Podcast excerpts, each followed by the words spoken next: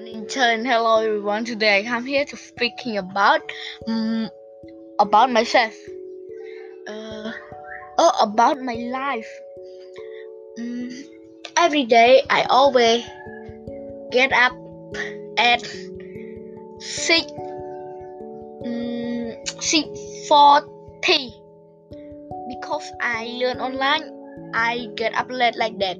But when I uh, learn at the school, I always get up at 5. Uh, because when I learn at home or learn online, I always sleep, sleep late.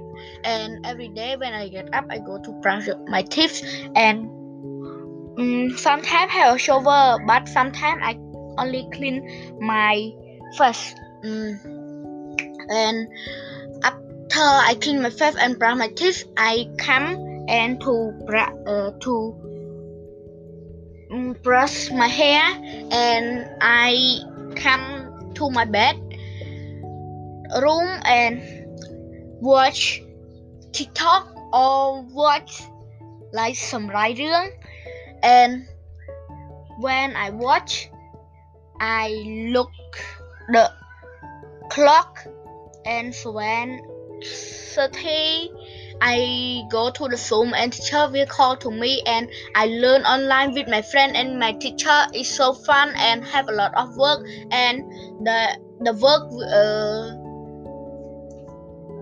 teach me how to do something and I know a lot of things about this work.